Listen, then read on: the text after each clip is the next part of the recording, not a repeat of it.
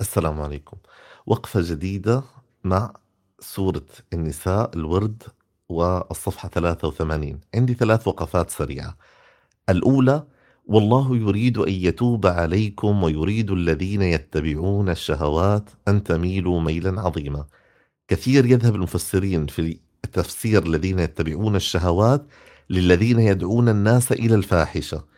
لكن في الحقيقة الآية لها استتباع يريد الله أن يخفف عنكم وبالتالي يصبح الذين يتبعون الشهوات نوعين نوع يتجه فعلا إلى الفاحشة ونوع آخر يتجه إلى عدم التخفيف. والله يريد أن يخفف عنكم. وإذا كان الشخص الذي يذهب بالفاحشة يفسد المجتمع بفاحشته فالشخص الذي يذهب إلى عدم التخفيف والتشدد في التعامل مع الأخطاء أيضا يفسد المجتمع بتشدده. الوقفة الثانية هي ولا تتمنوا ما فضل الله به بعضكم على بعض وهذه قاعدة عامة. للرجال نصيب مما اكتسبوا وللنساء نصيب مما اكتسبن. عجيب وكأن الرجال لهم مكتسب وللنساء أيضا مكتسب حتى نجد إنه تستتبع الآيات ذلك فتأتي الآية الرجال قوامون على النساء بما فضل الله بعضهم على بعض. أحيانا كثيرا العقل يذهب فقط إلى تفضيل الرجال بينما الآية واضحة فضل بعضهم على بعض.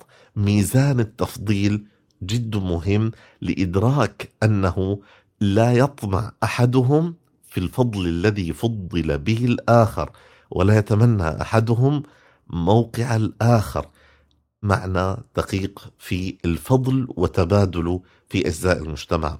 الوقفة الثالثة واعبدوا الله ولا تشركوا به شيئا وبالوالدين إحسانا وبذي القربى واليتامى والمساكين وكأنه محور السورة الضعفاء ثم والجار ذي القربى والجار الجنب ما هو أبعد من ذي القربى والصاحب بالجنب وابن السبيل الذي لا تعرفه وما ملكت أيمانكم الذي قد يخطر على البال نوع من الاستخفاف في التعامل معهم.